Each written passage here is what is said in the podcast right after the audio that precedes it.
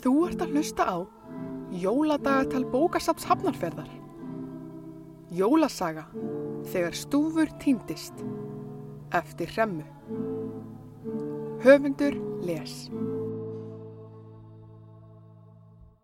15. kapli Kjartarsnýkir, giljagur, pottaskefill og gluggagægir eru döð þreyttir.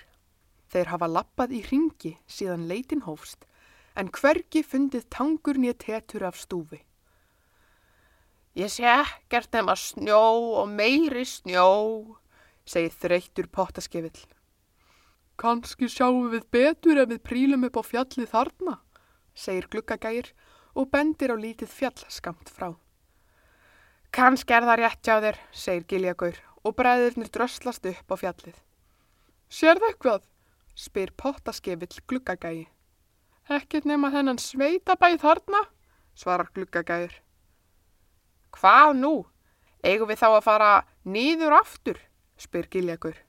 Nei, ekki meira lapp, gargar kertasnýkir. Hingað og ekki lengra, segja ég. Ég verð að fá að kvíla mig bara í smá stund.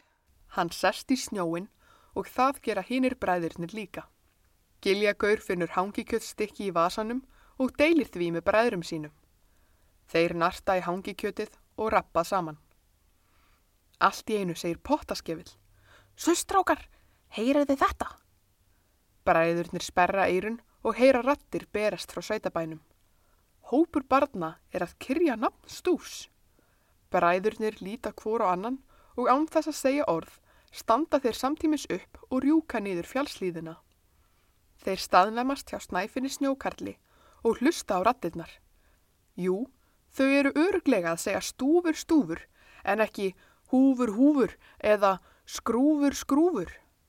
Gluggagægir læðist að stofuglugganum og gægist inn.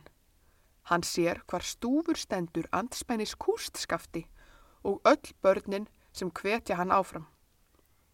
Stúfur gengur einbyttur að skaftinu, hallar sér aftur og gengur öruglega undir kústskaftið.